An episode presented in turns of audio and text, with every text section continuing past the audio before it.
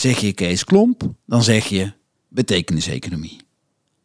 Maar ja, daar had ik al over gesproken met Kai Morel in aflevering 10. Nou was er ook al een tijdje iets anders dat me intrigeerde aan Kees zijn berichten. Zijn drive, die draait er natuurlijk voor iedereen duimen dik van af. Maar ik meende al een tijdje tussen de regels door ook kwetsbaarheid te lezen. Heel af en toe ook wel explicieter dan dat. En soms ook compleet het tegenovergestelde van kwetsbaar. En die dubbelheid, die fascineert me. En, eerlijk is eerlijk, die is ook herkenbaar. Dat bleef maar rondzingen in mijn hoofd en dus besloot ik het voor te stellen. Met direct als reactie: Leuk! Werk ik graag aan mee. En dus zitten we nu hier en gaan we samen praten over een onderwerp waar we allebei geen expert in zijn, maar wel allebei ervaringsdeskundigen die dapper voorwaarts struikelen.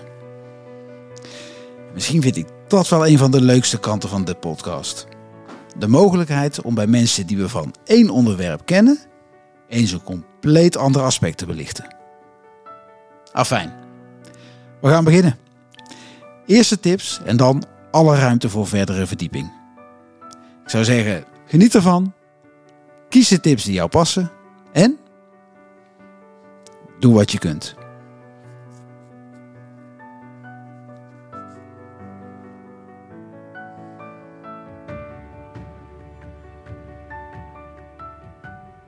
Zo, Kees. Welkom in een, uh, in de, op een nieuwe plek eigenlijk. Ja. Voor jou in ieder geval. Ja. Ja, ja. Zitten bij een, uh, bij een, uh, een ondernemer die ongeveer, nou, denk ik heel erg past in, in de betekeniseconomie, filosofie.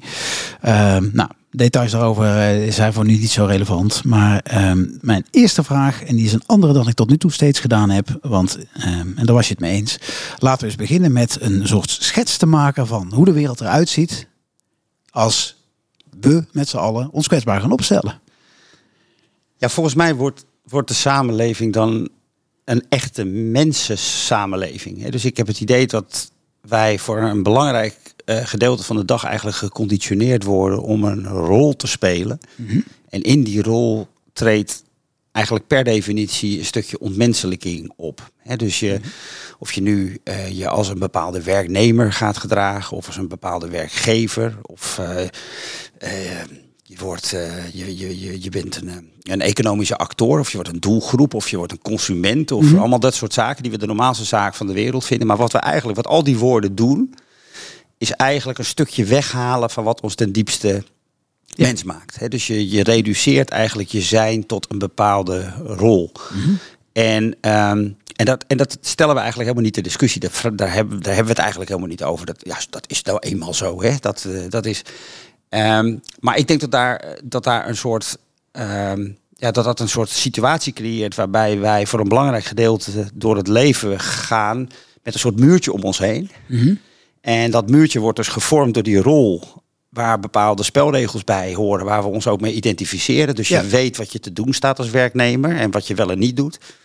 Ehm, maar dat creëert wel een, een situatie waar, waarbij bij heel veel bedrijven je toch geacht wordt om je mens zijn toch bij de kapstok achter te laten. Ja. Want je, bent- dat Ja. is daar, hey, ho, je bent hier aan het werk.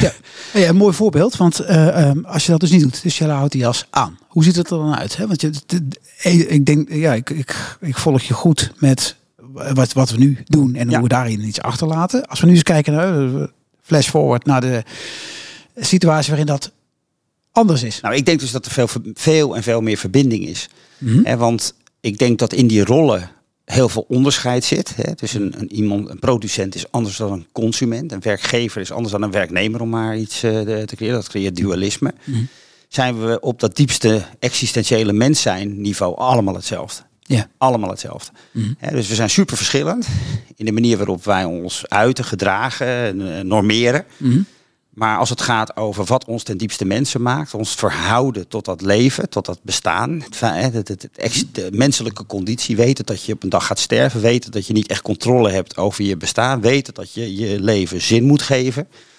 Dat is Het- universeel. Dus, dus Ja. het feit, daar kunnen we elkaar volgens mij dan veel dieper in eh, ontmoeten. Dus ik zie een samenleving vormen die veel zachter is Mhm.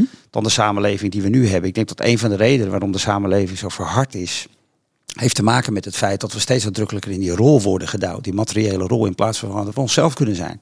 Kun je dat dan ook vertalen als doordat je dus steeds, je bent gewend je jas hier weg te hangen voor het een en daar de andere jas voor het andere weg te hangen. Ja, je, eigenlijk zo...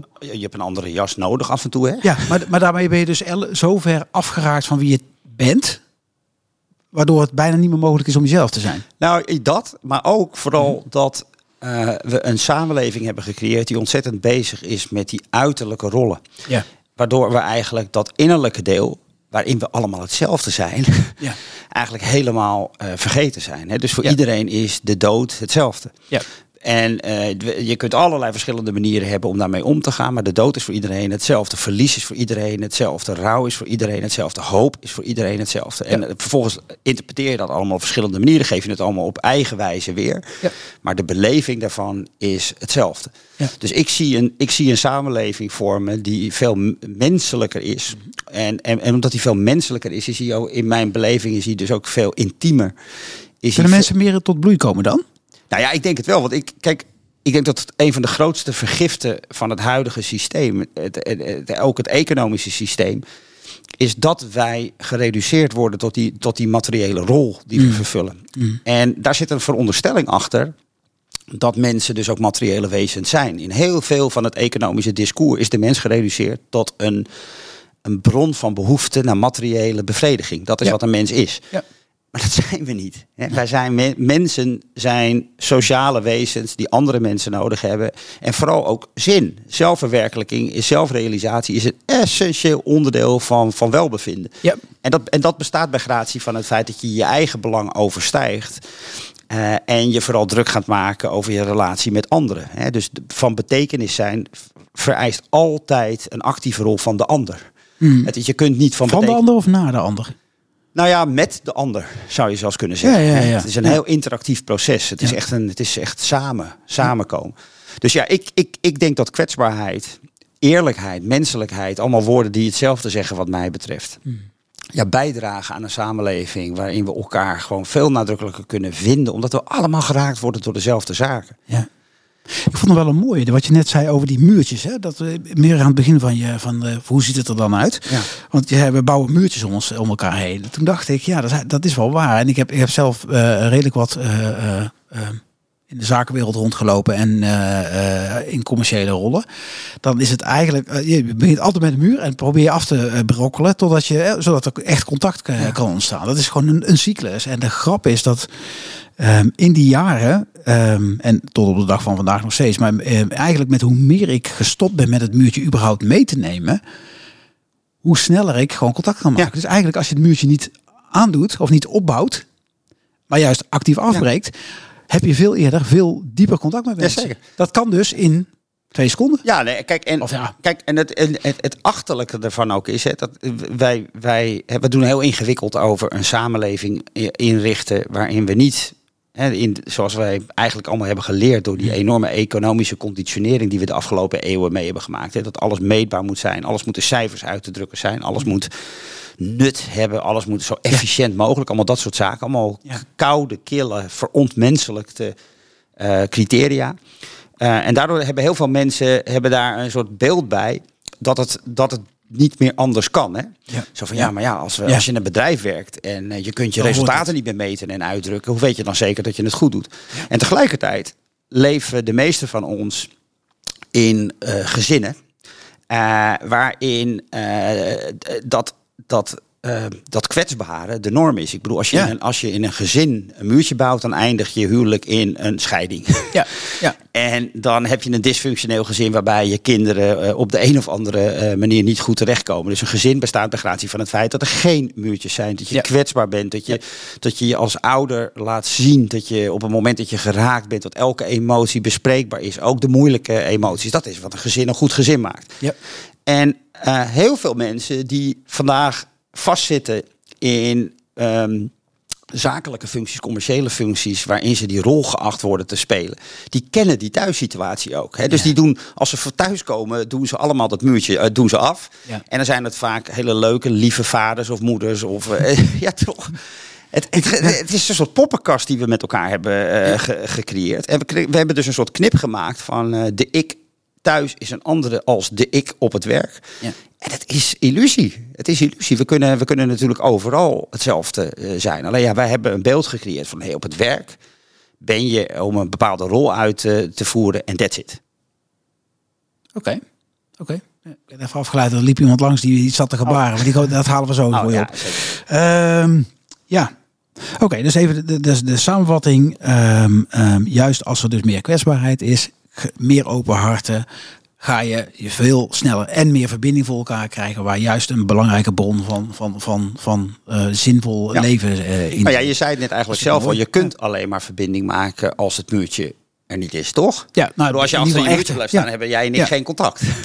Wat lastiger. Ja. Ja, nee, dus het is letterlijk wat er, wat er gebeurt. Dus je maakt alleen maar verbinding met elkaar op het moment dat je je laat raken. En het bizarre is ook, dat even los van je gezin, ja, ik eigenlijk nog nooit mensen ben tegengekomen die dan geraakt worden op intermenselijk niveau, hè, dus in het contact met elkaar, die dat onplezierig eh, vinden. Nee. Nee, toch? Nee. Dat is, Nee. Het is fijn. Nee, Het is zolang er veiligheid is, hè, dat, dat soort dingen. Ja, ja. dus het rare is ook dat, we, dus dat, dat het, het leven is helemaal niet leuk achter dat muurtje. Nee, nee. Nee. En iedereen, dat is de grap ook. Hè. Elke sales die zegt, ja, maar of, eh, we hadden toen in die tijd vaak, eh, namen wel eens consultants mee. Hè. Ik zat toen in de IT. En die zeiden altijd, ja, ja, maar ik, wil, ik vind het moeilijk om, het, om, het, om een warmte te brengen in het gesprek. Ik zeg, je kunt toch bij de kraan, daar kun je toch zelf mee beginnen. En, dan- dan keek ze echt aan met, met schotel, ogen als schoteltjes. Maar met de tijd begonnen ze het wel door te krijgen. En dan zie je het zo, dat kunnen we dus ook gewoon zelf doen. Ja, ja. Ga maar eens een introductieronde doen. Hè. Eh, En vraag van eh, welke rol vervul jij? Of je vraagt. En hoe ziet je thuissituatie eruit? Of wat is een, wat is een, een iets bijzonders eh, waar jij echt tot diep in de nacht je in kunt verliezen? Nou, hele andere introductie. En daarna een heel ander gesprek. Ja. Ja. Dus het, we kunnen het zeker. Ja. Nou ja, gelukkig maar. Ja, er is hoop. En daar hebben we drie tips voor volgens mij. Dat is een mooie brug, Kees. Ja. Kom maar door. Je hebt er drie voorbereid. Oh, ik heb er drie voorbereid. Ja, ja, waar was je telefoon? Ja, ja, dan moet ik hem even zoeken, want eh, die, ik heb ze inderdaad eh, naar je doorgestuurd. Ja, maar ik heb, eh, ja, nee. Eh, tip 1 over kwetsbaarheid. Ja. Besef dat kwetsbaarheid een universeel gegeven is. Onkwetsbaarheid bestaat niet. Mhm. Dat is de eerste tip.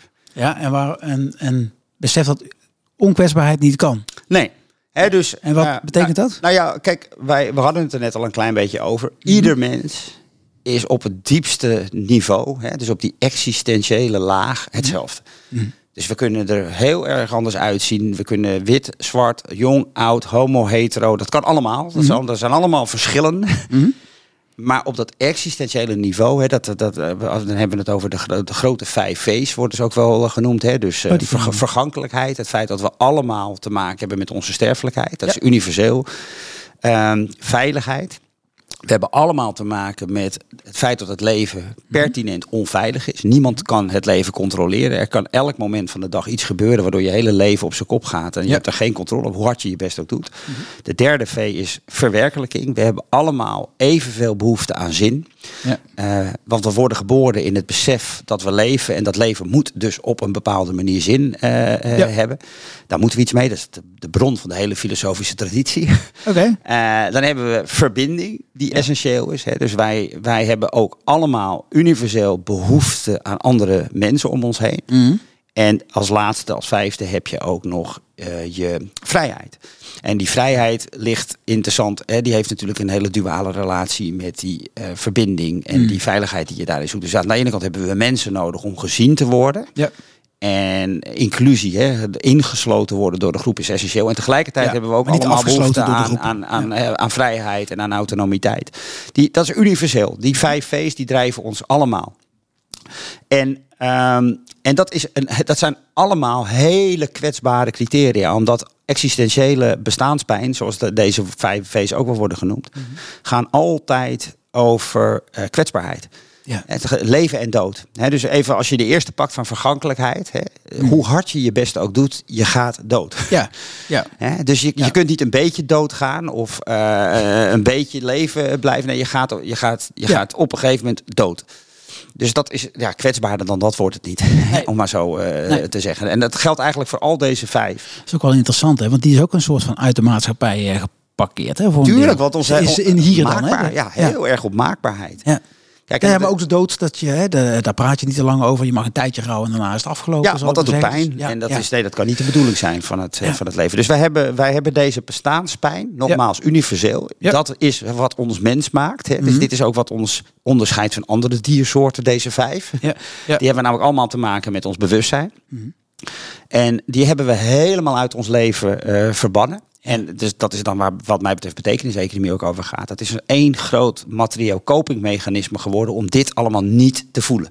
Ja, ja. Dus wat we eigenlijk hebben gecreëerd is een buitengewoon succesvolle poging om dat wat ons ten diepste mens maakt, kwetsbaarheid, uit te bannen uit ons eh, leven. Ja, dus maar eigenlijk voor de pijnkant. En maar daarmee hebben we per ongeluk ook hè, kind met het badwater ja. Eh, wegdonderen. We hebben dus daarmee ook de mooie kanten van het leven. En ook voet buiten werking gesteld. Ja, want pijn is, pijn is eigenlijk al een, ehm, een hele normatieve uh, manier van het omschrijven van wat er aan de hand is. Hè. Dus we noemen het bestaanspijn.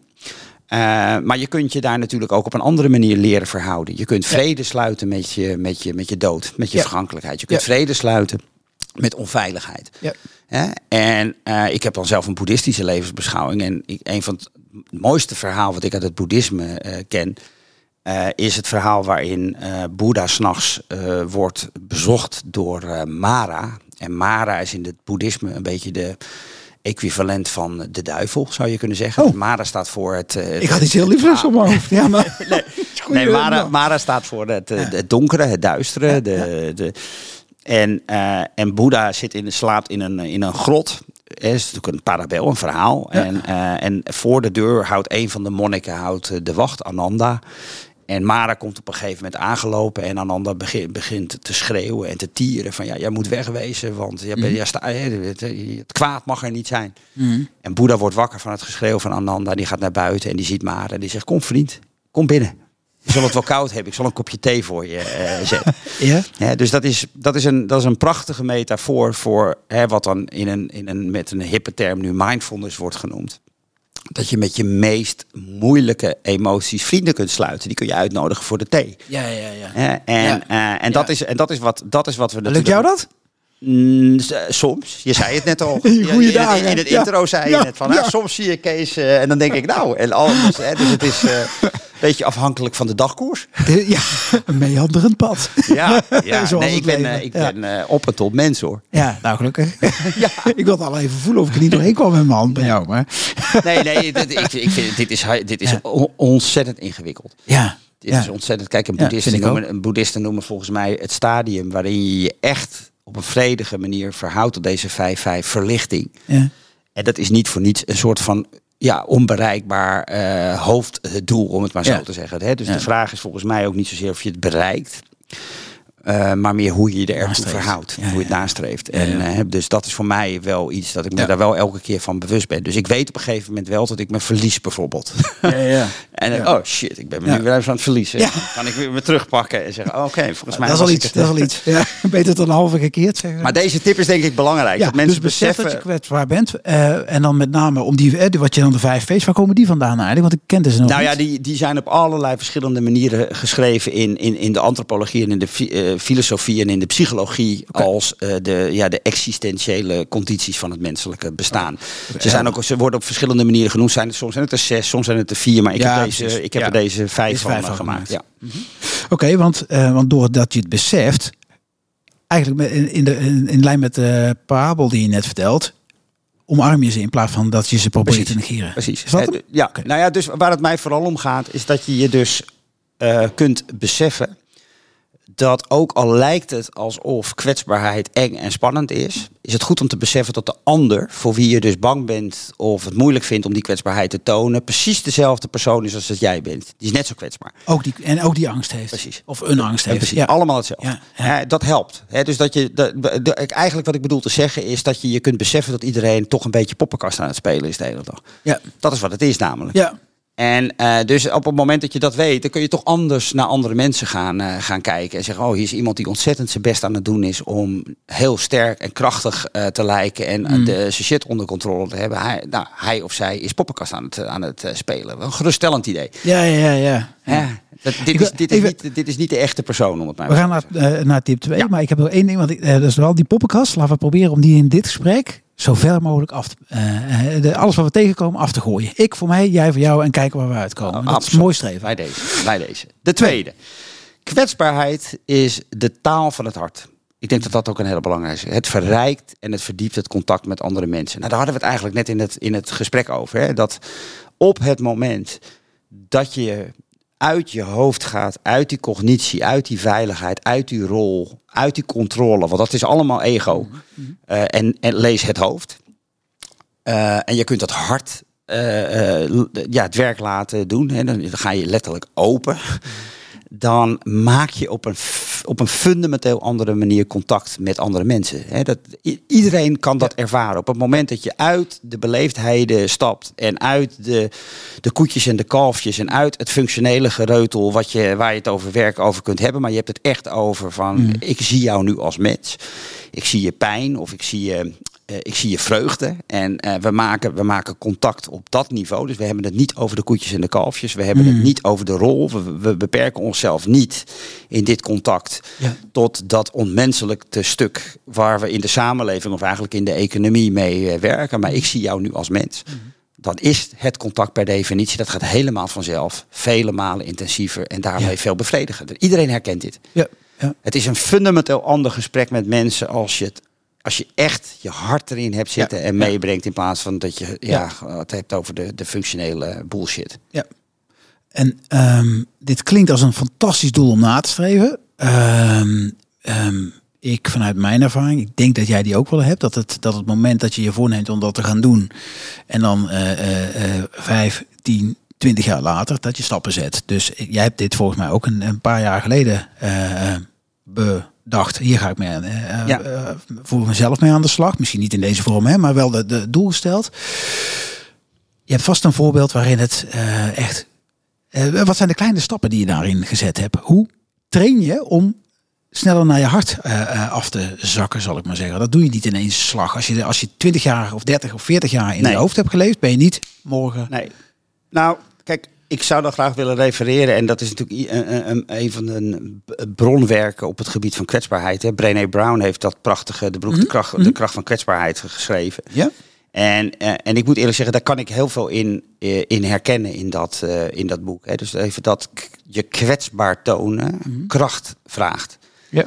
Dus ik, ik merk wel aan mezelf dat ik naarmate ik ouder eh, word en ben geworden, ik ben ondertussen 55, dat ik het veel makkelijker vind om me kwetsbaar op te stellen als dat ik in mijn eh, 20 of 30 eh, eh, jaren was, zeg maar. Ik, heb, ik, heb, ik, kan, ik vind echt dat dat een significant verschil is bij mezelf. Hè, Dat ik toen veel nadrukkelijker bezig was om een rol eh, te spelen, om een bepaald imago, een bepaalde reputatie in de, in de lucht te houden. Wat was dat imago toen dan? Even eh, uit interesse? Nou ja, ik was toen eh, in die tijd een succesvolle business consultant. En ehm, ik denk dat ik, dat ik toen vooral toch de rol speelde van... eh, ik weet wat er voor nodig is om uw bedrijf eh, succesvol te laten zijn. Dus ik straalde, ik straalde denk ik vooral uit dat ik expertise had op dat eh, domein. Dus dat, wat ik, dat ik daar juist onkwetsbaar in was. Hè, dus eh, Ja. van,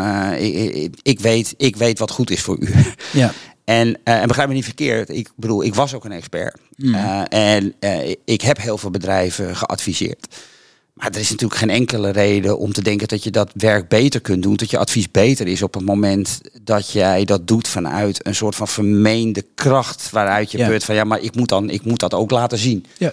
Je kunt dat even terug, want vanuit, vraag- want mijn vraag was-. Snap ik. Maar mijn vraag was eigenlijk, wat zijn kleine stapjes om, daar, om die te zetten? Hè? Nou ja, eh, die stapjes zou ik bij gebrek aan beter, eh, betere woorden zou ik die toch duiden als eh, stapjes waarin je groeit in de moed om Ja. eh, uit de kast te komen, om het maar even zo te zeggen. Dus je, je, eigenlijk als het een spier zou zijn, je spier ja, Je, je moet spier- Ja, je merkt dus, en, en nogmaals, voor mij heeft dat dus ook wel heel erg met mijn leeftijd te maken. Weet je, ik Mhm. vind het nu niet meer zo spannend om mezelf op het spel te zetten. Mhm.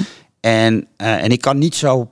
Ik vind het moeilijk, ik weet niet hoe jij dat ervaart. Ik vind dat lastig ook om te duiden waar dat nou precies in zit. Maar ik merk echt dat ik minder gevoelig ben eh, geworden voor die rol die ik word geacht te spelen. Dus ik vind het ook niet erg om ehm, mezelf niet te serieus eh, te nemen, om fouten toe te geven, Mm. om terug te komen op eerdere verhalen. Ja. Om dingen, ik merkte dat ik en, ik, en ik weet ook dat ik dat toen ik 30 was, ik vond ik dat echt Was veel het- moeilijker. Ja, ja. Had ik van, had mijn gevoel veel te verliezen. Ja. Dus ik, Ja, dat, nou, je, eh, eh, want je, je vroeg een beetje of ik dat herken, dat herken ik. En, Ja. eh, maar de, maar de, dat ik meteen met het voorbeeld van de spier kwam, zo heb ik hem voor mezelf vertaald. Ik zie het gewoon als een spier die ik moet trainen. Ja. Dus elke keer, dat had ik ook. Hè, ik, ben, ik, was, ik was in mijn jeugd heel slecht in presenteren. Nou, daar ben ik, op een gegeven moment dacht ik, ja, maar dit, ik ga gewoon oefenen.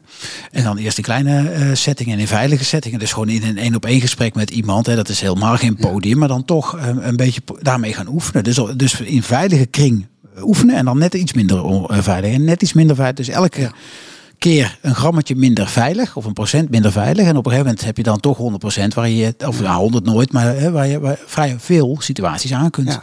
Wat ik, ik heb nou dat verkopen bijvoorbeeld, nou dat, ik had, dat heb ik wel hard voor moeten werken. Nou ja, weet je, oh, in het kader zeg maar, van het, eh, de, de kwetsbaarheid, hè, dat gesprek waar we het over hebben. Kijk, ik heb wel een, ik heb wel een, een, een, een, een, pad meegemaakt waarin ik ook wel een heel bepalend moment heb eh, gehad. Want ik, ehm, ik had, ehm, ik heb ondertussen acht boeken geschreven. Eh, en ik kan me nog heel goed herinneren bij mijn de eerste drie boeken. zat ik nog behoorlijk vast in. ehm, eh, ja, een, ja ik, ik kan het niet eens spreekangst noemen.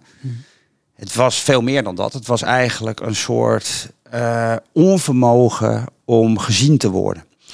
Ehm, hè, dus ik vond, het, ik vond het niet alleen maar eng om te spreken, maar ik vond het eigenlijk nog veel enger om iets te zijn. Zeg maar. Dat heeft te maken met mijn jeugd, eh, traumatische jeugd eh, gehad, dus dan moet je dingen verwerken. Ja, dus ik, ik hou er wel van om dingen gewoon ook te benoemen. Dus eh, als je het goed vindt. Ja, zeker. ik heb een keer een filmpje van, van Ron van Es voorbij zien. Ja. tenminste in de voorbereiding op deze podcast stuurde die mij. Die, waar, je bent in je jeugd heb je no- nogal een stevige vorm van astma eh, gehad. Ja. En waarschijnlijk zeg ik dan nog iets te, te, te zacht. Maar hè, dus de echt Nee, astma, je lag echt buiten, buiten de groep als het ware. Hè? Eh, Ja, ik heb ja. de eerste eh, pakweg elf jaar van mijn leven eigenlijk als een invalide geleefd. Mhm. Eh, meerdere keren per jaar in het ziekenhuis. Niet in staat om mee te kunnen doen met de norm. En, Ja, ja. Dat is heel trauma, hè? Ja, heel trauma. Heel, Ja. heel, heel, groot trauma. Heel eenzaam. heel machteloos. nou, heel veel gedoe. Mhm. Maar vooral ook een heel ehm, laag eh, zelfbeeld. Hè? Dus, Daardoor eh, mede, denk ik, toch? eh, want, ja, want ja, weet je, ik voldeed dus niet aan de norm. Ja. En, eh, en daar, heb, daar heb ik op een gegeven moment vrede mee ge- eh, gesloten. Mhm. eh, en weggestopt, zoals dat gaat. En toen begon ik op een gegeven moment een boek te schrijven. En een boek is expressie. Hè? Een Ja, boek is, ja. je, je neemt stelling eh, in. En wat er dus gebeurde, is dat ik, eh, en dat was, bij, dat, was, dat, dat was bij het eerste boek al erg, bij het tweede boek ging het, eh, was het ook al erg, maar kon ik nog elke keer een vorm vinden om eigenlijk te ontkomen aan eh, publieke belangstelling. Wat natuurlijk een idioot idee is als je een boek schrijft. Want dat, Ja, mag Dus het podium op? Maar ik wil niet gezien worden. En toen bij het derde boek, Ja. Bloei. En dat was een bundel die ik samen had eh, gesteld met eh 30 eh, andere mensen over eh, geluk, maar dan vanuit een boeddhistisch perspectief. En dat boek kwam uit en de uitgever had een enorme toestand eh, geregeld in, eh, in Amsterdam. En alle, alle mensen die bij hadden gedragen aan dat boek, die, eh, die kwamen daar. En ik zou die dag hosten. Ik zou die mensen een beetje, een beetje bij elkaar praten. En het was mijn feest, het was mijn boek, het was mijn... Ja, ja. en om een lang verhaal kort te maken, ik ontbrak uiteindelijk op mijn eigen boek. Nee. Ja. Heb je het niet gedaan? Nee, ik ben niet geweest. Nou, Wow. En ik was, ik was, ik, ja, ik, ik kon letterlijk, ik, ik verdroeg het, de spotlight niet. Ja. Ik vond niet dat ik het verdiende. Ik, weet- ik had heel erg negatieve emoties. Mhm. En eigenlijk is dat het moment geweest waarin ik echt met mezelf aan de slag ben gegaan. Van ja, maar dit, dit slaat nergens op. Want ik heb die. Ik heb blijkbaar die drang om boeken te schrijven en Mhm. me uit eh, eh, te drukken. En ergens heb ik dus blijkbaar een iets gecreëerd in mezelf dat ik dat vervolgens niet mag. Want ik ga mezelf vervolgens, op het moment dat ik het schrijf en ik druk me uit en ik maak daarmee contact met mensen, ga ik mezelf eigenlijk gewoon ehm, eh, ja, torpederen met angst en, en, en schaamte en allerlei zaken. En, en daar ben ik toen eigenlijk, toen ben ik, daar ben ik mee aan de slag gegaan. En dat is een heel bepalend moment uh, geworden, omdat ik eigenlijk ontdekte dat, dat ik dat ik was bang voor mijn kwetsbaarheid. Nou, ik, ik wou vragen, of was, is, was daarmee jouw diepste angst, angst voor contact? Want eigenlijk, hè, op het moment met een boek, dan komen mensen naar jou toe. Ja. En op, dus van nou, is de hunkering naar contact, dan komt de groep naar jou toe en dan ben je weg. Nou, ik denk eerlijk, het was denk ik vooral positieve aandacht. Positief contact. En dus ik was mijn dat hele. Je daar bang voor was? Ja, daar was ik heel bang voor. Ja, want ik, was, ik had natuurlijk alleen maar negatieve aandacht. Ik was de, de zieke, ja, ja, ja, de mislukkeling, ja, ja. de uh, tekortschieter. De, uh, ja, je kunt er allerlei woorden op uh, toeplakken. Even voor alle duidelijkheid, dat had ik mezelf allemaal aangepraat. Hè. Mm -hmm. Het was niet tot mijn mijn ouders me niet met alle liefde eh, hebben geprobeerd door die mm. tijd heen eh, te, te jagen. Maar als je gewoon uh, ja, jaar in jaar uit, maanden per jaar in je eentje in een ziekenhuiskamer ligt. Want dat was in die tijd, ja, moest je in isolement liggen. Ja. ja. dus die eenzaamheid die was, die was tot, letterlijk tot op het bot. En ik kon gewoon niet omgaan met positieve aandacht. En, en, ik, en, ik, en ik merkte dus dat, dat ik zat dus vast in een soort gekke strijd waarin ik probeerde onkwetsbaar te zijn. Maar dat was zo nadrukkelijk een rol. Ja, ja, ja. Dat ik hem niet kon spelen, zeg maar. Dus en pas toen ik daarna, dus bij het vierde boek, gewoon besloot van, maar ik ga gewoon mezelf zijn. En als ik hier op het podium moet huilen, omdat ik, want daar was ik bang voor. Ja. Oh, ik was bang voor om door, door emotie over, over over man te worden, omdat ik een heel gevoelig mens ben. Ja. Dus ik, ik ben hoogsensitief, dus ik, mm. ik pik altijd de vibe op. En ik was zo bang dat ik dus af zou gaan daar. Uh, dat ik dus dat ik me eigenlijk dat beeld zou bevestigen van oh god, dat zielige mens, dat, kan ook helemaal niks. Ja, en. Uh, en dat, dat mocht niet gebeuren natuurlijk. Ik moest, er, ik moest sterk zijn. En pas toen ik dat, die, die, dat perspectief weghaalde en mezelf uh, werd. En toen gebeurde er vervolgens heel bijzonder. Toen maakte ik opeens enorm contact. Hè. Dus de, mijn boek, die eerste drie boeken, die hebben ook helemaal niks, niet zoveel gedaan. Maar de boeken daarna. Die zijn, vooral, die zijn vooral gebruikt op tafels recht. Nou ja, zoiets. Ja. En, en, en, toen, en toen werd het betekeniseconomie. En kreeg ik opeens mensen die zeiden: hé, hey, maar dit resoneert bij mij. Ja, dit maakt bij mij contact. En toen merkte ik dus opeens dat ik dus dat. En dat hoorde ik daarna vaker. Dat mensen mijn uh, menselijkheid in mijn woorden vinden. Ja. En, uh, en dat vind ik zo mooi. Dat vind ik het mooiste compliment wat ik denk ik ooit heb ge gekregen. Dat mensen voelen dat elke letter die ik heb geschreven in boeken daarna, en, en, en die, dat ben ik. Ja, ja, ja. Dat is een stukje van mezelf. Ja. En, uh, en ik vind het ook niet meer eng om daarop aangesproken uh, te worden. Ik vind het zelfs niet eng meer om, om daar, uh, dat er mensen zijn die daar helemaal niks mee hebben. En voelt het al fijn?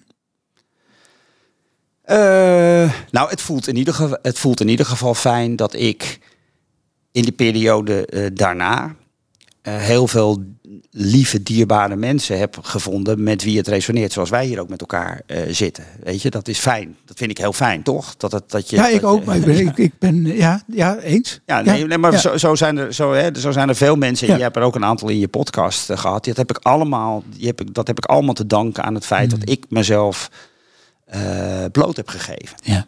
En als ik dan dus ook terugkijk naar die eerste drie boeken dan zie ik dat dus die, die eerste drie boeken zijn boeken die met mijn hoofd zijn geschreven. Er ja, zit helemaal geen hart in. Het is ja. heel, ja, het is heel, het, het, klopt allemaal wel wat er staat. En een vraag, hè? want, is, want je hoort een, een, een uh, in wat je vertelt een lijn, hè? dus mm. er is meer hart in gekomen. Zit het er al volledig in? Uh, nee. Dus ik ben nu bezig met een nieuw boek. Uh, en ik vind dat, dus, en, ik, en dat, dat kost me dus ook moeite, dat nieuwe boek. Omdat dat, daar ga ik voor de eerste keer echt mijn nek op een dusdanige manier uitsteken. Uh, dat ik dat, nou, echt helemaal bloot uh, ga geven als het gaat van wat is betekeniseconomie nou. Echt, echt, mm -hmm. echt letterlijk tot op de nitty gritty in mijn eigen geest en in de, in de geest van anderen. Mm -hmm. En ik merk bij de totstandkoming van het boek dat ik dat dus dat ik dat ingewikkeld vind. Mm -hmm. He, dus ik, ik, ik merk dat. Ik zie mijn... bijna op je gezicht uh, voorbij ja, trekken, joh. Ja, want kijk, want ook, ook het, het Noordhofboek, wat ik het laatst heb uh, geschreven van betekeniseconomie, dat is een lesboek voor oh, in school. Ja. Daar, zit, daar, zit, daar zit ik in, heel erg nadrukkelijk. Maar hm. daar heb je wel nog de veiligheid dat je uh, rijtjes kan maken met vijf punten die studenten moeten leren. Ja, en dan een blokje ja. dit en een blokje dat en, uh, enzovoort. En het boek wat ik nu wil schrijven is echt een, ja, een ontologisch, filosofisch pleidooi op, uh, op economie. Dus echt, Ja. echt voorbij het vlees, om het maar zo Ja. te, te Ik ga zeggen. je vragen om even ontologisch in iets meer hardtaal te uit te leggen. Want ontologisch klinkt voor mij echt zo van... eh, wat? Ja, ontologisch is, zijn, is zijnsleer. Dus dat gaat, Oh. dat is, gaat over eh, wie ben ik. Hè, dus, eh, dus, ja. eh, de- en dat, Ja. dus de, echt, ja, Dus echt je hart op tafel. all, all Alles. the way. ja, all the way. gewoon, gewoon Ja. poedelnaakt op het Ja, podium. en dat betekent dus ook dat ik voor de eerste keer gewoon nu ernaar poog om een verhaal te schrijven zonder ellenlange bronvermeldingen, zonder wat ik altijd doe, eh, te vermelden uit welk stukje een boekje ik het heb gehaald. Nee, echt mijn verhaal. Ja, ja. En dat vind ik. eh, en, het, en ik, merk, ik merk aan dat het, dat het me raakt, Ja. het schrijfproces. Dat het me onzeker maakt. Dat het dus ook een proces is wat weer nog een stukje dieper eh, gaat. En, eh, en ja, ik ben, blij dat ik, ben blij dat ik dat mag doen nu. Dat is weer. Ik, ben, ik, ik voel dat ik daar nu ook wel klaar voor ben. Om dat aan te Onwijs dapper ook dat je het doet. Hè? Over die moedspier Ja. gesproken. De moedspier is eh, ontwikkeld. Ja, eh. heeft hij nog geen kaartje naar je gestuurd van... joh, kunnen we een keer iets anders trainen? Pak die andere. Ja. ja. Ik heb nog een derde tip, hè? Ja, oh ja. Ja, laten we Zeker. de derde nog even doen. Eh, even Ik ben blij dat jij wel oplet, Kees. Kwetsbaarheid is niet eng, maar eerlijk. Het nodigt anderen uit om ook eerlijk te zijn over zichzelf. Ik denk dat dat ook een hele een belangrijke tip is. Ja. Dus het is, mensen Ja. vinden het eng, Ja. Maar eng is eigenlijk een, eh, een verkeerde duiding. Het is eerlijk. Ja, En- ja en, en de grap is, want zoals je het nu zegt, zeg je eigenlijk, volgens mij, tenminste zo hoor ik hem, maar zeg het als ik ernaast zit, hè? Eh, dat je, eh, eigenlijk hoor ik je ook zeggen, als jij begint met eerlijkheid, dan komt er eerlijkheid. Precies. Jij gaat eerst. Dat gaat in eerlijkheid, maar dat gaat in durf, dat gaat in openheid, dat gaat in nou, overal. Als, je, als jij hebt zelf, jij kunt zelf de eerste stap zetten. Ja. Nou ja, dus wat ik je net vertelde, Ja. is ik had dus een soort spookbeeld gecreëerd over mezelf zijn. Mm. Dat, dat, dat kon ik niet rijmen met mijn innerlijke strijd. Ja. En, Ja. eh, en daardoor werd het eng. Ja. Hè? En toen ik dat eenmaal deed, was het helemaal niet eng. Maar gebeurden er juist de mooiste dingen, omdat mensen zeiden van ja, maar dat heb ik Ja. ook. Ja. Ja. Dit voel ik ook. Of eh, Ja. joh, eh, ik, ja, prachtig, weet je. Dus, dus je maakt dingen eng, maar het is helemaal niet eng, het is eerlijk. En het creëert dus ook eerlijkheid tussen mensen. Ja, dat is een lied van, eh, van Boudewijn eh, de Groot. Ehm, en dat, heeft, eh, dat, dat is ook verschenen op een soort eh, album van Henny Vrienden nog. Hè, bij Henny Vrienden eh, inmiddels. Ehm, en dat ging over de nacht, geloof ik. Ik ben even de titel kwijt. Maar de, het, het, eh, dat lied heet eh, De Jacht. Toen ik, toen ik ophield jou te jagen, toen pas hield je op voor mij te vluchten. Ja. Dat is een beetje Ja. wat jij zegt. Hè? Ja. Dus pas toen jij ophield te Mooi, jagen zeg. naar de verbinding, kwam de verbinding, Ja. zeg maar. Ja. Ja, en het is en- en ter- op terugkijkend is dat ook heel logisch. Want ik denk dat die periode daarvoor ik de, in de veiligheid van mijn hoofd eh, leefde. Ja. Omdat, en dat moet, dat, moet, dat moet ik er wel bij zeggen, dat is natuurlijk, dat hoort ook bij eerlijkheid en kwetsbaarheid. Je moet ook met jezelf in het reinen komen. Ja. Dus op het Ja. moment dat jij, zoals ik, eh, te maken hebt met veel onverwerkt pijn, met veel ehm, wond, Mhm. eh, ja, dan moet je wel eerst ervoor zorgen dat, dat een wond een litteken kan, eh, kan worden. Je moet jezelf helen, Ja. zeg maar. Hè. Ja. Ver- verwerken is voor mij hetzelfde als, als omarmen. Hoe heb je dat gedaan, dat hele? Nou ja, door, door gewoon met mezelf te gaan zitten. Hè. Dus ik vertelde net dat verhaal van, eh, van de Boeddha en de grot. Dat. Maar heb je dus- dat alleen gedaan? Ik bedoel, ik heb zelf ook, eh, nou, ik denk inmiddels al eh, twee decennia, nou, bijna twee decennia dat ik aan mezelf aan het schaven, knippen, plakken ben, zeg maar. Daar, heb- maar daar heb ik heel vaak hulp voor ingeschreven. Ja, ja, Ik denk dat Oh, ik een nee. godsvermogen heb eh, besteed aan... eh. Nee, zeker in die, in, die, in die periode met die angst heb ik, heb, heb ik eh, allerlei hulp eh, gehad. Dat was ook nodig. Mm. En, en, ik, en ja, nogmaals, ik heb ook heel veel aan mijn boeddhistische levensbeschouwing eh, gehad. Hè. Dus in boeddhistische levensbeschouwing heb je sangha's. Dat, dat is de boeddhistische equivalent van een geloofsgemeenschap. Alleen Boeddha, het boeddhisme is natuurlijk een leer en geen geloof. Dus het is niet geen kerkgemeenschap, maar meer een meditatieclub.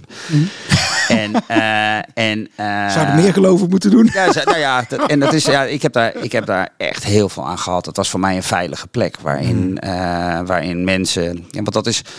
Dus ook een, tenminste ja, voor mij een van de mooie dingen aan het boeddhisme. De, de, de eerste edele waarheid die in het boeddhisme centraal staat is lijden is een onvermijdelijk onderdeel van het leven. En heel veel mensen vinden dat zwaarmoedig. Maar wat het eigenlijk is, is gewoon de erkenning van die kwetsbaarheid. Het, het haalt meteen de angel eruit van nou, daar hoeven we het niet over te hebben.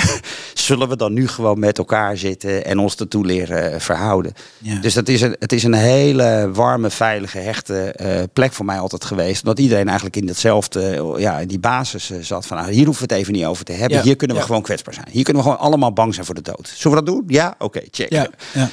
En, en is dan, eh, want je zegt dat, dat lijden, dat is lastig. Eh, Tenminste, dat kun je als lastig zien. Omarm het maar eh, Ja. gewoon, eh, aanvaard het. Ook eh, wat in tip 1 aan de, aan de orde kwam. Ehm, je zou bijna zeggen, is... ehm, ja, is, is het niet handig? Is, is, de, is de eigenlijke weg niet om dat lijden gewoon je, je, je medepassagier te maken, zeg maar? En, te- en zo, helpt het niet, dat is misschien nog wel een betere om te zeggen dat lijden, ja, dit gaat ook voorbij. Ja, nou ja, kijk, als je... Als je Zonder het weg te stoppen, hè? maar dit gaat voorbij, je ondergaat het, maar je weet, hè, Ja. nu doet het zeer, voel de pijn en, en, en, en neem niet hou vast in wegvluchten, maar neem hou vast in de- dat het van voorbijgaande aard is. Nou ja, kijk, ik denk dat het een jaar of tien geleden was. Eh, en toen was ik dus al heel eh, lang eh, boeddhist. Want ik ben op mijn 21ste eh boeddhist geworden. Mhm. Dat ik tot de conclusie kwam, en dit klinkt bijna als een, als een grap, maar het is echt waar. Mhm.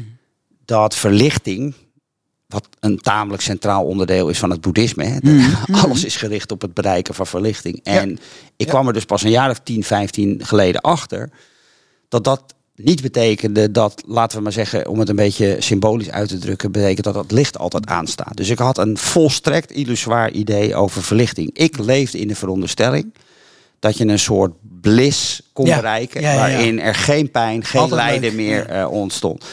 En, eh, en pas eh 10, 15 jaar geleden eh, eh, liep ik tegen een leraar aan. Die zei, "Daar moet je echt mee stoppen hoor. Dat is, echt, dat is echt niet waar het over gaat. Waar het over gaat is dat je je leert verhouden tot dat lijden. Want lijden is alleen maar lijden als je er lijden van maakt. Hè, dus leer je gewoon verhouden tot dat wat er in een leven, in een mensenleven op je afkomt. dat is wat het is. En, en dan ben je er. Maar dat heb ik dus ook, hè, wat je nu schetst. Wat Eh, het licht. Nou, nou nee. dan, moet ik je, dan moet ik je teleurstellen. Nee, nee, jawel, jawel. Nee, eh, nee, nee, nee, nee, juist eh, de, lang. en eigenlijk nu, nu je dit zo benoemt, denk ik, potverdorie. Ik heb ook nog wel steeds de neiging om te denken, ja, maar ik moet daar komen. Ik moet Nee, die moet vorm. nee, dat hoeft nee. helemaal niet. Nee. Nee. Je moet gewoon erkennen wat er is. Ja, oké. En dus lijden, verlichting is, is eigenlijk geleerd hebben te lijden. Je kunt vaardig lijden. Ja. Hè? En dan is lijden geen lijden meer. Hè? Dus lijden Ja. is eigenlijk alleen maar lijden omdat je je verzet tegen. Ja, maar als je het zo zet, klinkt het alsof het nog steeds van voorbijgaande aard kan zijn als je er niet meer te- tegen verzet. Ja, dat, is, nou ja, dat hangt er denk ik heel erg af van je definitie. Kijk, dood is en blijft dood. Ja, Hè? Dus dat is een onvermijdelijkheid. En Mhm. eh, ik denk dat de gemiddelde eh, mens die eerlijk is tegenover zichzelf... dat een ingewikkeld eh, thema vindt. En Mhm. ik denk dat je dat met eh, lijden of bestaanspijn eh, zou, eh, zou kunnen duiden. Maar je kunt je er zeker toe verhouden en daar vrede in vinden. Dus voor mij ja, is ge- ja. geluk in de boeddhistische zin van het woord... gaat ook veel meer over vredigheid en een vaardigheid als omstandigheid en tevredenheid, wat het in de westerse norm is geworden. Weet ja. je, geluk gaat over spullen. Nou. Dat is de grootst mogelijke onzin die er natuurlijk is. Ja, zeker. Ja, ja, die herken, ja dat vind ik ook. Ja, ja. Hoewel we wel net met z'n tweeën allebei met bewondering keken naar dit apparaat waar ik het mee opneem. Nee, spullen zijn heerlijk. Het is wel leuk, Ja, maar- ja, ja, maar spullen zijn er vooral om te gebruiken. Ja, ja, ja, ja, precies. Nou, dat doen we. hè. As we speak, letterlijk. Ehm, Oké. Eh, eh, Ik zit een beetje met, met, met een beetje een lastigheid of een ongemakkelijkheid, maar die eh, leg ik dan ook op tafel. Want, ehm, ehm, eh, nou, dat heb je volgens mij gezien, hè, dat ik een post had gedaan dat we dit gesprek gingen voeren. ehm, en eh, heb ik gevraagd aan eh luister of lezers, wil, wil je een vraag inbrengen? Een daarvan is Brecht van der Laan geweest. Brecht van der Laan is, eh, ehm, ehm, nou, onder andere een eh, klimaatburgemeester van Woerden, als ik me niet vergis. Mm. Maar die is met allerlei duurzame dingen bezig. Die had een prachtige vraag over een eh, stekelvarken. En zo noemde hij ook, dus, hoe zit het met de stekelvarken bij jou? Maar ja, die, eh, dat gaat eigenlijk wat jij dan de, de speer in de borst moment noemt. Maar die heb je net al benoemd, hè? Nee, nou ja. Per ongeluk, of niet, met jou, eh, nee, dus, dus het stekelvark is nog wel een, een andere. Wacht even, Eh, maar dan, ga, dan gaan we het goed doen. Als je, nee, als je Ja. wil beantwoorden, dan gaat de vraag ook eventjes in door de stem van eh, Brecht. Want dat is dan, eh, dan, die heeft die moeite gedaan. Eh, die geven we een podium. Dag Kees, ik ben Brecht van der Laan en mijn vraag aan jou gaat over een stekelvarken. En dat zit zo. Je vertelt vaak dat je bij alle mensen die je spreekt in je werk over de betekeniseconomie, dat je bij al die mensen één moment van inzicht herkent. Eén moment uh, waarop ze inzien dat ze niks anders meer kunnen dan volgens hun principes gaan werken, leven, zijn eigenlijk. Uh, en de metafoor daarvoor uh, gaat over een stekelvarken. In het Engels to swallow the porcupine. Het inslikken van het stekelvarken. ik kan me daar wel wat bij voorstellen, want als je zo'n beest eenmaal in hebt geslikt, dan kan je natuurlijk niet anders dan een bijhouden. Als je eenmaal volgens je principes gaat leven, dan kan je vanaf dat moment echt niet meer anders. Ik herken dat heel erg. Ik heb zelf heel duidelijk zo'n moment. Zo'n moment dat jij trouwens ook heel vaak het spear in the chest moment noemt. En ik ben heel benieuwd of jij wat kan vertellen over jouw moment. Ja, mooie vraag. Kijk, Brecht, Brecht agendeert die twee dingen die belangrijk zijn. Hè? Dus mhm. het, er is geraakt worden, mhm. dat is het speermoment. En je, er is het moment van je geroepen voelen. En dat is, de, mhm. de, dat is het stekelvarken. En er zit een, er zit een wezenlijk verschil tussen. Okay. dus eh, laat, me, laat ik even dat verschil eerst duiden voordat ik mijn. Uh, dus het, het belangrijkste is dat je wordt geraakt eerst. Ja. dat is het speermoment. Dus het betekent dat je je persoonlijk ja. Geraakt voelt door een maatschappelijk probleem. Mm Dat is heel wezenlijk. Ja. dus dat is een internaliserend uh, proces. Dat is en het tweede is het moment waarop je besluit daar commitment aan te gaan geven. Dus je wordt niet alleen geraakt, want dat kan iedereen overkomen, maar dat is niet per definitie een wereldveranderend of een levensveranderende gebeurtenis. Nee, je kunt je morgen door, door een vergelijkbaar voorval weer laten raken, weer uh, en elkaar uh, schelden. Nee, dus die mensen die daadwerkelijk activistisch worden, die vertonen. En dat is het stekelvarken inslikken. Hè. Dus dat betekent dat je besluit van ik kan niet meer terug. Dit is vanaf nu, een stekelvark kun je niet meer ophoesten. Ja, zeg maar. ja, ja, ja. ja, kijk, ik heb meerdere van dat soort momenten. Maar ik denk dat het, het moment wat voor mij op dit moment het meest bepalend is, is de geboorte van uh, Finn, uh, geweest tien jaar geleden. Uh, omdat Finn heeft de klimaatactivist in mij wakker gekust. Of in ieder geval de natuuractivist. Mm omdat ehm, ik, ben, ik ben altijd een geëngageerd mens geweest. Maar ik heb me eigenlijk altijd meer aangetrokken gevoeld tot mens-issues. Mm dus ik ben altijd meer van mensen die gediscrimineerd onder druk worden. Dat vind ik verschrikkelijk. Ja. Um, en de natuur hield ik gewoon van. Hè? Dus het was een plek een fijne plek. Ja. Maar toen ik die kleine smurf uh, kreeg op mijn 45 ik denk dat dat ook een bepalend uh, factor is uh, geweest. Want dat is ook een leeftijd waarop je je eigen sterfelijkheid ook gaat erkennen. Dat is gewoon een, dat is gewoon een onderdeel. Hè? Dus ik ging toen Finn kwam, ging ik uitrekenen hoe oud ik zou zijn als Finn een bepaalde leeftijd had. Heb ik met mijn dochters nooit gehad. Uh, want mijn dochters zijn oh. gewoon in onze twenties uh, gekomen. Oh, en uh, dan, heb je nog, dan ben je alleen nog maar bezig. Dat leven is nog één groot pad. Ja, precies. En nu is er, vind ik, een einde gekomen. Dus dat was, daar ging ik over nadenken. En, en toen kwam ik eigenlijk tot de conclusie dat ik hem dat ik niet in vrede kon sterven. Mm Want wat mij betreft is het hoogst haalbare wat je als ouder kunt bereiken, is en dat stel ik me dan zo voor. ik weet dat het niet zo is, maar zo stel ik het me dan voor. Dat die nanoseconde waarin je je bewustzijn verliest en je sterft, hè, dus het, mhm. dat moment tussen leven en dood. Mhm. Dan hoop ik dat er een moment is waarin je nog, waarin je nog even bewust kan, kan zijn dat je het achterlaat. Mhm. En het hoogst haalbare volgens mij wat je dan kunt behalen is dat je je kinderen met een gerust hart achterlaat. Dat je zegt, het, het komt goed met ze. Ik heb, het, ik heb vertrouwen in ze. Zij, zij gaan het ze gaan gelukkig mogen eh, zijn. Uh, en ik weet, dat mijn, ik weet dat dat niet gaat gebeuren. Uh, want ik, de wetenschap is kristalhelder en, uh, en stremt zeer, zeer droevig en, en ehm, ehm, zorgwekkend. Um, en toen ik die kleine smurf voor me zat en me dat besefte van ja, mhm. bij alles wat wij nu doen gaat zijn leven bepalen. Hij, hij, heeft, hij heeft geen enkele invloed, hij heeft geen enkel aandeel. Ja in dat leven. Maar hij gaat wel alles wat wij nu doen, gaan daarmee te maken uh, krijgen. Ja, dat was een moment waarbij ik diep geraakt werd. En dat, en dat is ook het moment mhm. geweest waarin ik letterlijk heb besloten. Hè, mensen zeggen ook wel eens tegen mij, waar, hoe doe je het allemaal? Waar haal je de energie vandaan? Mhm. Dat is nou het stekelvark, omdat ik daar heb gezegd, ik ga tot mijn dood 24 uur per dag, 7 dagen in de week er alles aan doen om mijn zoon en zijn generatie, want het gaat niet over mijn zoon, uh, ja, er alles aan te doen om het, om het leven voor hem ook goed te maken. Ik kan niet meer doen. Mhm. Dat is het enige wat ik kan doen. En het slaat helemaal nergens op, want ik weet ook dat het niet genoeg is. Maar het is het enige wat ik kan doen. En dat ga ik dus ook uh, dat ga ik, uh, dat ga ik doen. Dus dat is een moment waar ik, waar ik diep uh, geraakt ben. Waar ik, ik heb ook heel veel gehuild in die tijd. Echt mhm. heel veel gehuild. En, en het was heel duaal, want ik was intens gelukkig met dat mannetje. Uh, ja. Maar Ja. tegelijkertijd ook een enorm bezorgd Ja, en ja. verdrietig. Ja. Nou we gaven net, eh, dat ziet niemand, maar we gaven elkaar net een hand. Of ik gaf jou een hand. Dat had ermee te maken dat ik op, eh, niet bij de geboorte, maar een paar jaar later bij- van mijn zoon eh, Rens. eh, mijn oudste van eh, nu 20. ehm, dat was eh, voor, voor mij ook de motor. toen ik door had. Wacht eens even, dit gaat over zijn toekomst en die van Anne. Die waren er toen allebei. Inmiddels zijn er nog twee anderen bijgekomen. Hè. Dus met een enorm vervuilend wezen zou je eh, volgens sommige mensen zijn. Eh, maar ehm, mijn droom is dus ook dat mijn kind bij mijn eh, kist kan. eh, Rens zal bij mijn kist zal zeggen dat ik, dat ik alles op alles heb gezet. En ook verdomd veel voor elkaar heb gekregen. Maar, want jij vindt, toen ik je net zat te beluisteren. Kijk, jij, ik, eh, weet je, nou wij worden denk ik niet de koning van de wereld. Eh, ehm, ehm, dat betekent dat wij het dus in ons eentje niet voor elkaar gaan krijgen. Is de andere kant van de brug niet de betere route om te gaan denken: oké, we kunnen niet zorgen dat die wereld gered wordt. We kunnen wel hen zo klaar mogelijk maken om om te gaan met de wereld van dan. Ja, ik vind dat ook. Ja, Ja. ik vind dat.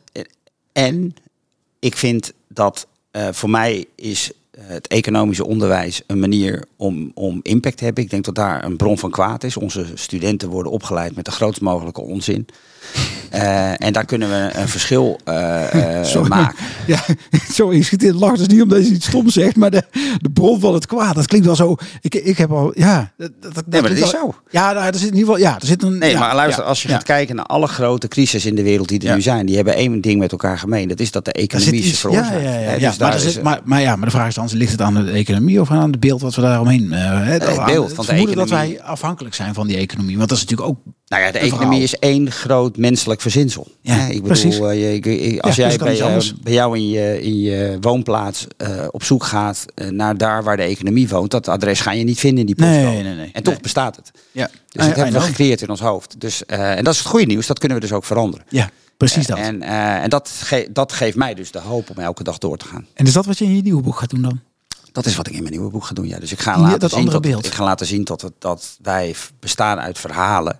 Hmm. En dat het verhaal wat we elkaar nu vertellen over de economie gewoon niet waar is. Ja, Dat we er een ander ja. verhaal van eh, kunnen, kunnen maken. En, eh, en dat we daarmee onszelf echt ten diepste kunnen veranderen. Want het probleem is dat, is dat, dat wij eh, ja, gewoon geen aanspraak maken op wie we zijn als mensen. Ja. ja. Goh. Mooi zeg. Ehm, ik had nog een vraag van iemand anders gekregen in datzelfde bericht. Eh, die kon het helaas niet inspreken, want die heeft een, eh, een klein ongelukje gehad. Ehm, maar dat was van eh, Gieke Buur. En Gieke die zei, waarvan zegt je hart ja en, waar, en je hoofd nee? Wel een mooie vraag. dat is een Ja. hele mooie vraag. Ja. Waarvan zegt mijn hart ja en mijn hoofd nee? Mm.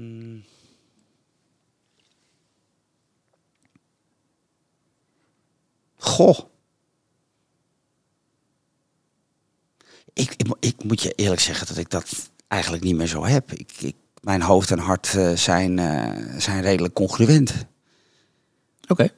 Ja, ik zit, op, ik zit te bedenken, heb ik, heb ik iets waarvan mijn hart zegt ja, maar en dan doe ik dat dan niet? Ik bedoel, ik, ik- ja, ik heb dat... En, en wat, is, wat, wat heeft jou misschien het meeste geholpen? Want er is een tijd geweest waarin je dit wel had. Dan. ja, oh zeker, ja. Wat is, is, is er één element wat je kunt benoemen wat daar Ja, ja, Kijk, kijk ik, ik, ik, kijk, ik zou terug kunnen kijken bijvoorbeeld naar een periode. Ik heb ondertussen drie films gemaakt. Mhm. En dat was, dat was een van de dingen waarvan ik eigenlijk al toen ik studeerde nog, hè, dus toen ik echt nog een heel stuk jonger was, altijd heb gezegd dat ga ik doen. Mhm. En vervolgens heb ik, heb ik tientallen jaren lang allerlei redenen verzonnen waarom ik dat niet kon, eh, kon doen. Mhm. En eh, toen, kwam, toen werd ik lector. En toen moest ik een, eh, een, een openbare les geven. En toen dacht ik, ik ga nu een film maken. En Ja. dat ben ik gaan, eh, dat ben ik gaan, eh, dat ben ik gaan doen. Gewoon, ik ben gewoon activistisch eh, geworden. Ik heb gewoon de, het actie genomen. Ik ga het gewoon doen. Ik heb geen idee hoe je een film maakt, maar ik ga het gewoon doen. Mhm. En dat vond ik een onvoorstelbaar mooie ervaring. En ondertussen heb ik daar nog twee andere films na eh, gemaakt. En dat is echt, dat is echt een, een enorme overwinning geweest om hart en, en, en hoofd bij elkaar eh, te brengen. Want het hart zei al vanaf mijn tien, eh, nou laat ik zeggen 15, 20 jaar van, oh ja, film maken, dat kan ik volgens mij. En vervolgens zei mijn hoofd, nee joh, dat kan helemaal niet, want dan heb je dit nodig en dat nodig. En al die jaren niet gedaan. En nu ik erop op, eh, op terugkijk, nu ik mijn derde film on, on- onlangs heb mogen maken en, eh, en delen, denk ik van, oh ja, dat is, dat is daar heb ik echt iets overwonnen. En ja, en hoe ga je ermee om? Ja, gewoon doen. Ja. Uiteindelijk gewoon Dit is wel mooi. Ja, ja, ja. Nou, en, en wat ik, wat ik um, toen we daar straks over uh, kwetsbaarheid hadden, en ik ben zelf de afgelopen dagen er, uh, uh, nou, dan ga je land je toch een beetje steeds meer in het onderwerp, ga je erover nadenken, gedachten vormen. Um, is kwetsbaarheid, en dat vind ik dit namelijk een mooi, lijkt een voor, mooi voorbeeld, maar zeg het ook als, het, als, het anders, als je het anders ziet. Um, maar, maar kwetsbaarheid, we lopen ervoor weg. Maar is kwetsbaarheid niet eigenlijk het entreebewijs voor echte groei? Als je die aangaat, dat je dan ergens komt en echt kunt gaan groeien. Ja, ik vind het, ik vind dat, ik vind dat mooi gezegd. Ja, ik denk het wel. Ja. Want dit is wat jij gedaan hebt. 40 jaar lang, nu notabene, 40 jaar lang over gedaan om van een wens te komen tot ja. de eerste vorm. Of de, de 35 voor mij, maar wel even. Ja. Ja, ik, ik denk, en, dat, en dat, eh, dat heeft dus in, in ieder geval in mijn geval dus mm. toch te maken met die, dat, dat hardnekkige jeugdtrauma van afwijzing. Ja. Hoe sterk dat is, hè? Dan. Ja, dus steeds dat je denkt van ja, maar dat moet ik niet doen, want dat kan ik helemaal niet. En dan gaan mensen het helemaal verschrikkelijk uh, vinden. En, uh, en dan, en dan, nou, dan is zeg maar de pijn van het voorkomen is, is minder pijnlijk als het dan aangaan en dan het risico lopen om, uh, om uh, inderdaad afgewezen te worden en dus pijn te ervaren. En daar ben ik echt overheen uh, gestapt nu. En dat is een zeg vrijheid. Dat is echt fijn. Ja, ja, bevrijding. Ja. Oké, okay, er is nog iemand anders die een vraag heeft. Een hele goede bekende met wie jij een van je boeken hebt geschreven. Shinta. Oh, Hey Kees. Wat zou jij het jonge kind Kees willen meegeven vanuit je huidige perspectief? Oh, wat een mooie vraag. Super mooie vraag. Ja. ja. Uh, mooie stem ook trouwens. Uh, ja, ja. Zo. Ja, um, ja dat, dat is. Um, dat is dan toch, denk ik, de, de. Je mag er zijn. Je bent oké. Okay. Het is oké. Okay. Je, je bent niet onvolkomen. Je komt niet tekort. Dat, ik denk dat die boodschap, uh, dat is denk ik het, de grootste verworvenheid uh, van ouder worden. Ja, ja. ja. Uh, dat idee dat, er, dat ik oké okay ben, zoals ik ben, hmm. is, ja, is, is groot goed. En heeft zich dat ook vertaald in dat je dat naar je kinderen actiever bent gaan brengen dan? Ja, tuurlijk. Ja, tuurlijk. Ja, ja. zeker. Ja. Zeker, ja. Oké. Nee, ik denk dat dat wel... Ik dat denk worden dat totaal dat verknipte kinderen natuurlijk, maar... Ja, nou, die ja, slaan we ja. door naar de andere kant dan. Nou ja, ik zie, ze, ik zie ze staan met dames. Die zijn alle twee ondertussen, uh, hebben ze de volwassen leeftijd. Uh, hebben, en die, ik ben apen trots op mijn meiden. Die staan uh, goed in het leven. Dat is echt top. Ja. Dus uh, ik heb het idee, in ieder geval voor, vooralsnog heb ik het idee dat ik ze ja. niet gepest heb. Ja, nee, dat is, ik hou af en toe van de scherpe grap. Ja, ja dat is wel heel, goed, goed, Heel, goed, heel goed. Hey, en um, ja, we, we, we, we moeten naar een afronding uh, gaan lopen volgens mij. Want ik ja, we, zitten, ja. we, zitten al, we gaan door het uur heen. Uh, met goede diepgaande onderwerpen mag dat, denk ik. Of dat beslissen jij en ik gewoon. ik had je gevraagd een muziekkeuze. Ja. En die heb ik beluisterd. Maar jij moet even vertellen welke het is. Die gaat in de playlist komen. Dus de Beter Anders playlist. Ja. En jouw keuze is gevallen op... Natalie Merchant met uh, nummer Life is Sweet. Life is Sweet. Ja, ja. ja en dat, ja, dat is... Uh, ja, als je het nummer uh, hoort, dan begrijp je denk ik ook wel meteen waarom het, uh, waarom het mijn, een van mijn lievelingsnummers is. Uh, en dat heeft, ja, het heeft te maken met het feit dat ze eigenlijk bezinkt mm. dat, uh, weet je, hoe je het leven ook ervaart en wat het leven je ook uh, tussen aanhalingstekens aandoet. Mm. Mm. Je, kunt, je, kunt, je kunt altijd terugkomen naar de erkenning dat het leven toch uiteindelijk zoet is. Dat het een, dat het, dat het een groot goed is om te mogen leven en het ja. te mogen ervaren. En ik draai dit nummer echt heel vaak. Ja? ja, omdat het mij elke keer gewoon weer verkwikt ja, ja. in, um, in, laten we maar zeggen, de goede kant van de lijn te blijven bewandelen. Ja. Al als ik me verlies, zeg maar, in het, in het verdriet en in de strijd. Hmm. Dan zet ik Natalie op. En die stem is natuurlijk ook fenomenaal. Hè. Zij is de oude zangeres van de 10.000 Maniacs. Prachtige, prachtige oh. band. Hmm. En, uh, ja, en die tekst die raakt mij ontzettend mooi. Omdat het erkent dat het leven uh, een uitdaging is. Hè. Het Mm. erkent het lijden.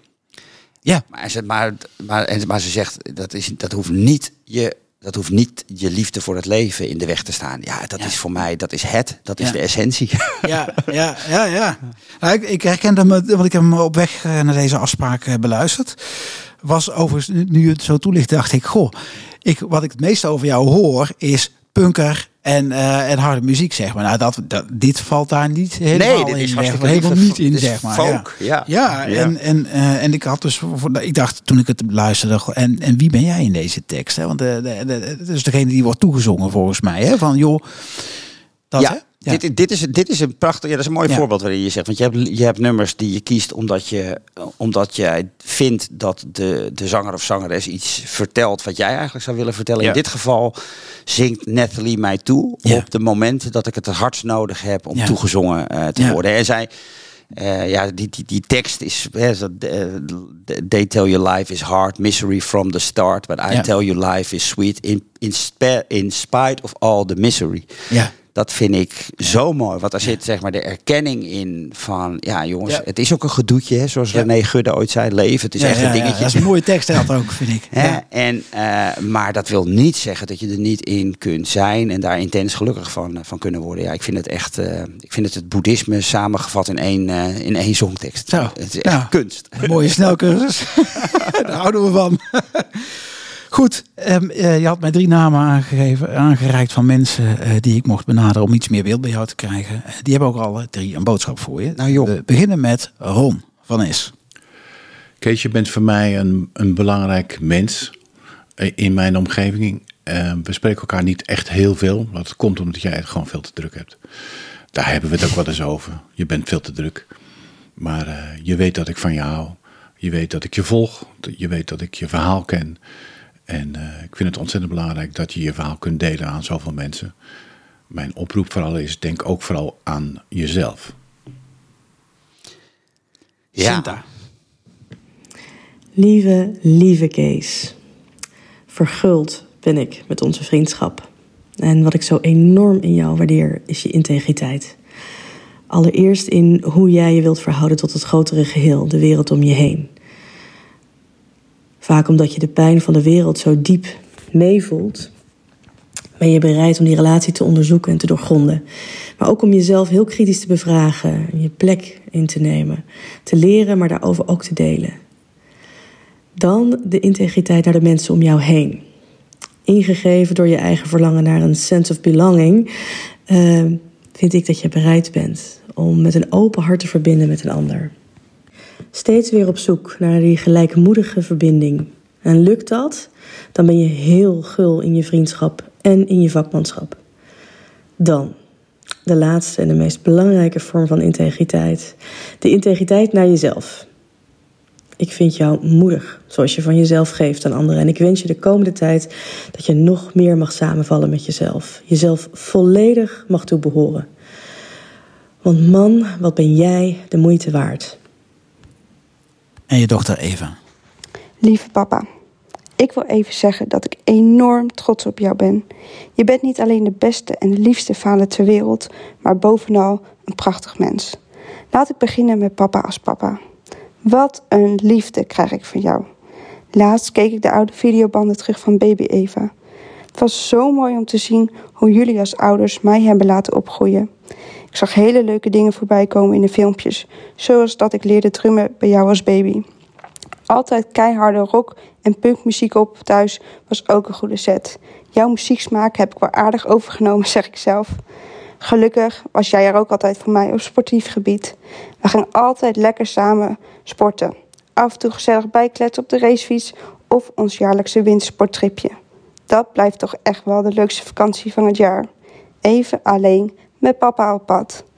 Je hebt ook altijd door weer en wind naast het voetbalveld gestaan voor mij. En dat doe je nu gewoon weer over voor lieve Ving. Je bent er gewoon altijd en dat is zo fijn. Nu, op deze leeftijd, besef je echt dat je het niet beter had kunnen treffen. Nu is het tijd voor mijn papa als prachtig mens. Jij, jij wilt de wereld veranderen en zet je daar voor veel meer dan 100% voor in. Jij bent degene die zich hierin kwetsbaar durft op te stellen. Ondanks dat je heel gevoelig bent, durf je dit wel.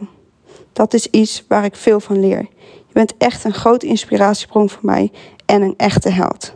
Niet alleen voor mij, maar dat ben je ook voor veel andere mensen. Ondanks soms veel kritiek blijf je doorgaan en probeer je de wereld een betere plek te maken voor iedereen. Zo heb jij al heel veel olla's gemaakt.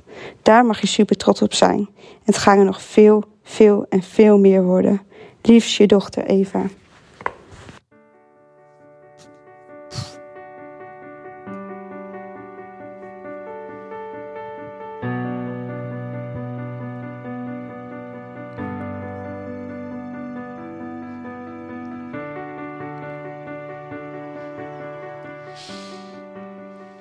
Ja, en daarmee komt de aflevering Beter Anders Kwetsbaar Zijn ten einde. Kees, super bedankt voor een mooi gesprek. Um, goede tips ook. Luisteraar, mocht jij denken, ik heb eigenlijk nog wel een vraag aan Kees of eventueel aan mij, stuur dan een mail naar ludo.beteranders.nl. En mocht je een gast of een onderwerp weten waar je graag een volgende aflevering aan besteed zou willen zien, doe dan hetzelfde. Stuur een mail naar ludo.beteranders.nl. Dan rest me weinig anders dan je een hele mooie dag te wensen en graag tot de volgende keer.